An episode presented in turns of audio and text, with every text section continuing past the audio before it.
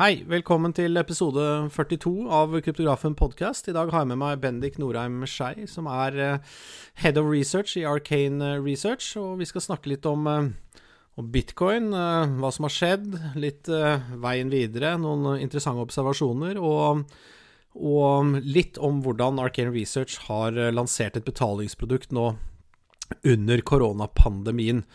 hvordan går det med deg under pandemien, Bendik? Du, det går bare bra. Jeg skal ikke klage her som jeg bor bare med samboeren min uten noe barn, så vi, vi, har det fint. Men eh, det er jo litt annerledes selvfølgelig å måtte spille inn en podkast på, på, soverommet. Det blir vel første og siste gang, får vi håpe. vi får se hvor lenge det varer, da. Man vet jo aldri. Um, men eh, en av de store, store, tingene denne våren har jo vært da bitcoin og korrelasjon. Vi har vel snakket om det på podkasten de to eller tre siste gangene. og Grunnen til at det er viktig, er at eh, bitcoin i utgangspunktet eh, burde være en ukorrelert asset. Dvs. Si at den kan stige når, når aksjer og, og andre risk assets faller, eller omvendt, eller leve sitt eget liv. og det er igjen viktig for at uh, folk skal kunne uh, tenke at uh, det å ha en del, altså ha litt av sparepengene sine eller av porteføljen sin i bitcoin, er lurt fordi det gir en diversifiseringseffekt. Men så har vi jo nå sett at bitcoin og markedet har korrelert. Og du skriver jo litt om at dette kanskje Det er for tidlig å si om dette vil vedvare eller ikke. Kan du, kan du snakke litt om bitcoin og korrelasjon?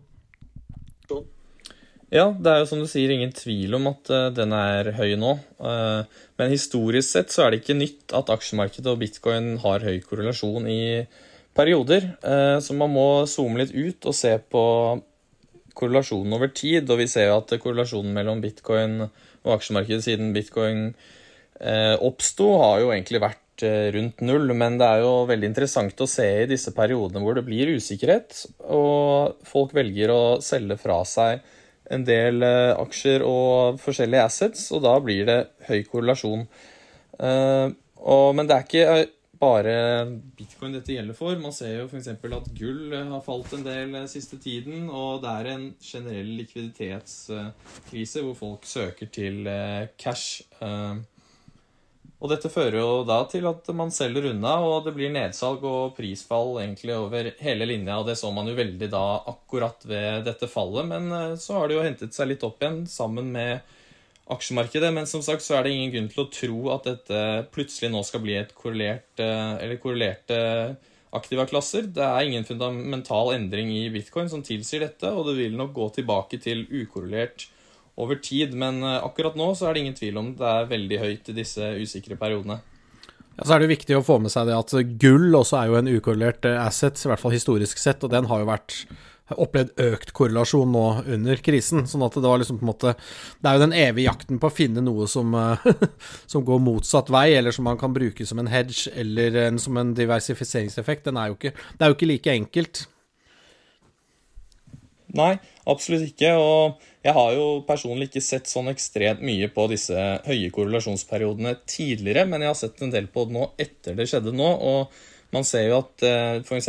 så har jo bitcoin faktisk korrelert ganske godt med VIX-indeksen, som eh, sier noe om volatiliteten og usikkerheten i markedet. Og man så jo faktisk at eh, det var en del usikkerhet i finansmarkedene da bitcoin falt fra 63 000 i 2022 slutten av 2018, som var liksom det store fallet som tok ut veldig mange da. Og da var det usikkerhet i aksjemarkedet da, så det er tydelig at eh, når det er usikkerhet globalt, så påvirker det også bitcoin. Men det er kanskje noe man ikke har vært så klar over og kanskje ikke sett så nøye på før nå, når man sitter midt oppi det selv. Det kan jo henge sammen med at når eh, ting faller eller vi er under sterke korreksjoner eller kriser, så dukker det opp gode kjøpsmuligheter. Så enkelt som at hvis du har penger i bitcoin og du ser at boligmarkedet faller i USA, så kanskje du har lyst til å kjøpe deg bolig sammen med kjæresten din isteden. Og det, den muligheten får du bare når alt faller. Det, måte, det jo, kan jo være helt sånne ordinære forklaringer på dette her også.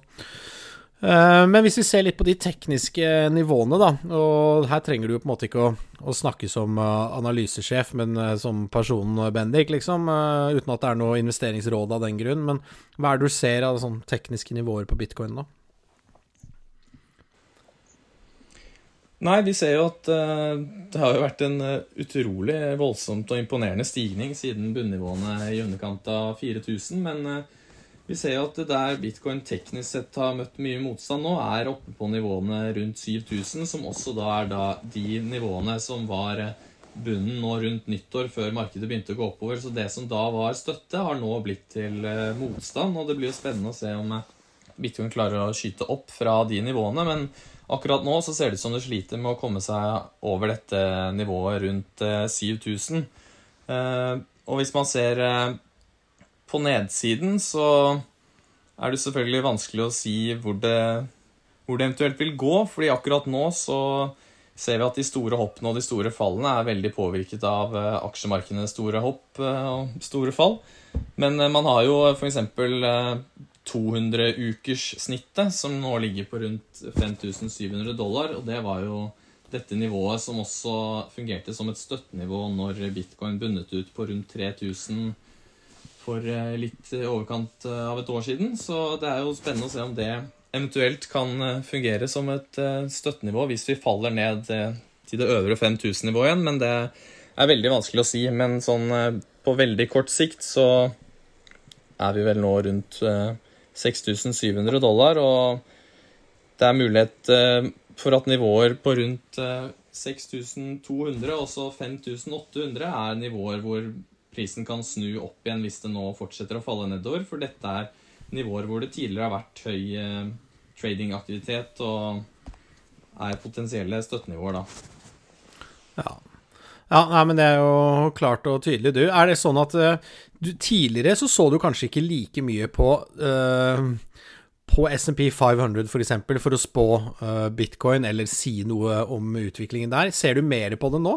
Altså Gjør du flere analyser nå for å på en måte finne ut av hva neste trekket til liksom aksjemarkedet er, fordi det vil ha en sammenheng med bitcoin? Eller hvordan, hvordan jobber du som analytiker rundt den problemstillingen?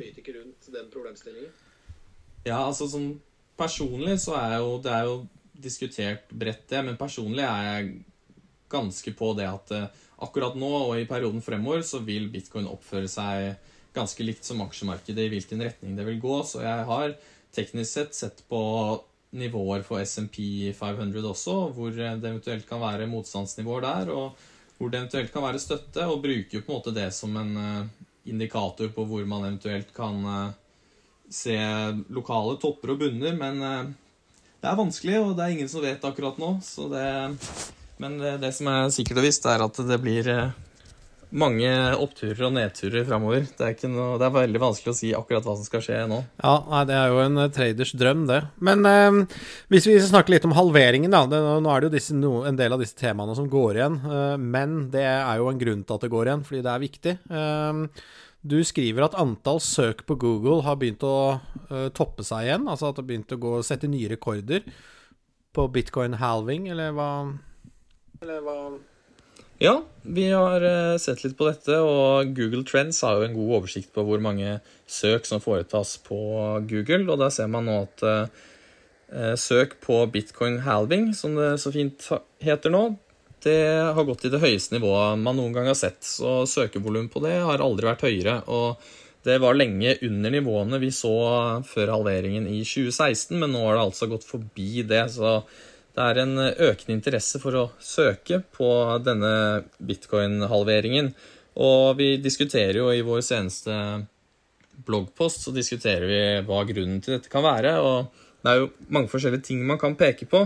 Først og fremst så har jo denne såkalte stock to flow-modellen økt i popularitet det siste året, som ser på dette med knapphet, og at eh, bitcoin et, er en knapp ressurs. Og denne årlige produksjonen skal gå ned nå ved halveringen.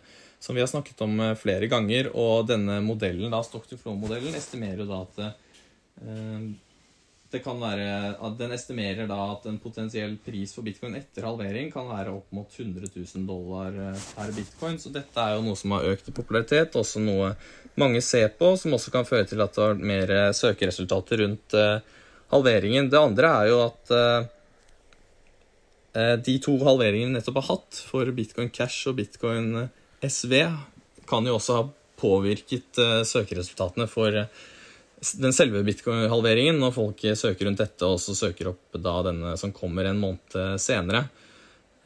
Og så er det jo mye som skjer med disse stimuli-pakkene vi ser rundt omkring, og det printes mer penger. og det som skal skje med bitcoin, er jo sånn sett en helt motsatt reaksjon, hvor det blir strammes inn i produksjonen, og det blir produsert mindre bitcoin fremover. Så det kan jo også ha ført til at flere blir interessert i å sjekke opp dette.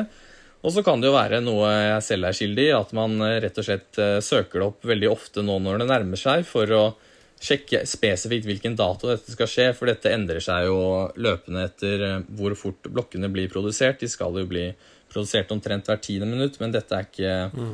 dette er ikke noe fast, så denne, dette varierer jo litt. Så dette her kan jo også være en grunn for at det øker nå, fordi folk faktisk lurer på blir det den 12. mai eller blir det den 16. mai. Ja, Er det derfor du også skriver at uh, the whales are accumulating? At de store, store walletsene og de store besitterne av bitcoin de har uh, nettokjøpt den siste tiden? Uh, kan du snakke litt om det? Snakke litt om det? Ja, det er noe vi fikk se nærmere på sammen med noen vi samarbeider litt med, en sånn on-chain-plattform som heter Glassnode, som har veldig mange gode metrics på hva som skjer på bitcoin-nettverket. Og der har de da sett at antallet som holder da på sin adresse mer enn 1000 bitcoin, har skutt fart etter eh, fallet vi så nå i mars. Eh, dette er ganske interessant, fordi dette er det da man kaller whales. Det er folk som eh, har veldig store mengder bitcoin og sånn sett kan påvirke markedet hvis de velger å selge dette unna og er veldig store aktører. Men de siste årene så har antallet som holder over 1000 bitcoin, på en måte justert seg etter prisen og gått ned når prisen har falt, og gått opp når prisen har steget. Men det vi så nå når prisen falt så brått nå i mars, var at det faktisk antallet som holder over 1000 bitcoin, gikk opp. Helt motsatt. Og det er jo ganske interessant å se. Og de nivåene vi ser på antall whales, som det så, så fint heter, har nå gått opp til nivået vi ikke har sett siden eh, ja, bitcoin var på sitt høyeste nivå på rundt 20 000 i slutten av 2017. Så det er en litt annen dynamikk eh, der, og det er jo interessant å se på om det er noen store markedsaktører som eh, ser annerledes på dette fallet enn eh, enn mange andre, og ikke ser at dette er, eller ikke nødvendigvis ser på dette med frykt, men ser på dette som en mulighet til å skaffe seg flere bitcoin på lavere nivåer.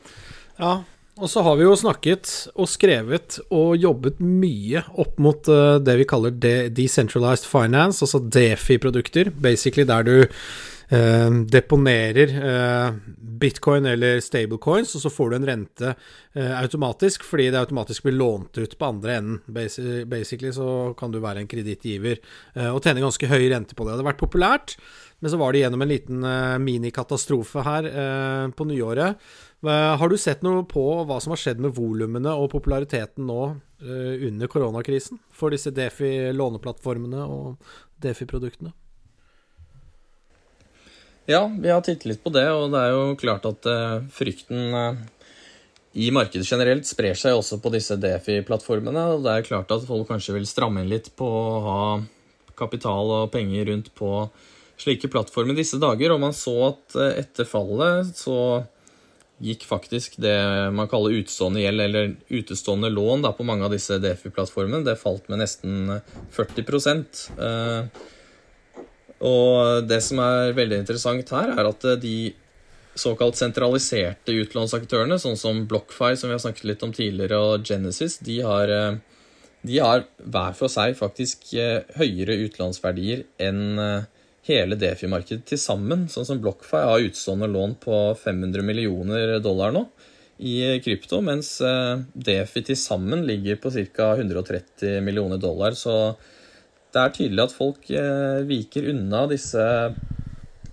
disse typer løsningene i disse usikre tider, eh, som sånn sett egentlig er en naturlig ting å gjøre. Du vil ikke sitte med en ekstra risiko der når det er såpass risiko i markedet. Mm. Veldig bra. Litt uh, avslutningsvis så er det vel verdt å nevne at uh, hovedproduktet til Arcane Research akkurat nå, uh, Weekly Report, som det blir lagt ned mye timer i og gjort gode analyser, og som har blitt sitert i, hos Forbes og Yahoo, Coindesk, alle egentlig flere hundre steder direkte og flere tusen steder indirekte. Um, har blitt en betalings, betalingsprodukt, men det lå vel i kortene hele tiden, gjorde det ikke det, Bendik? Jo, du kan vel si det. De startet jo dette allerede i august og skulle teste hvordan dette funket.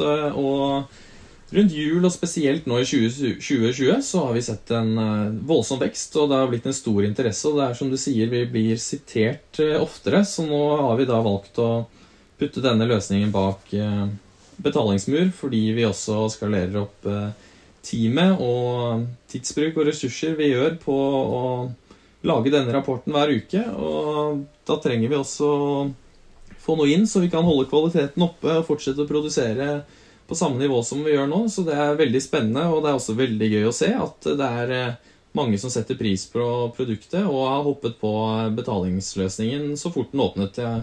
Du nevnte jo det her i forrige uke, hørte jeg på podkasten, at det tok eh, tre minutter til første signup. Og det, det, kan jeg bekrefte at det var sant. Og det er eh, mange kule personer som også har signert opp, som er eh, eh, store aktører i markedet, og også ledere av disse største avisene som Coindesk og sånn, mm. som har kontaktet oss og spurt om ekstra tilbud. Altså, det, er, det, er, stor interesse, og vi håper veksten fortsetter der, selv om den uh, har gått bak Så da kan vi bare avslutte med å si at uh, du finner uh, den weekly reporten inne på research.arcane.no. Um, jeg tror det er et tilbud nå på halv pris ut året, hvis du går inn og, og velger et fullt år som abonnement. Um, Ta en kikk på den. Den har fått gode tilbakemeldinger. Eh, dere kan nå oss på post.kryptografen.no, og vi er tilbake veldig snart med en, eh, en ny gjest, så det blir spennende. Så da høres vi. Ha det bra.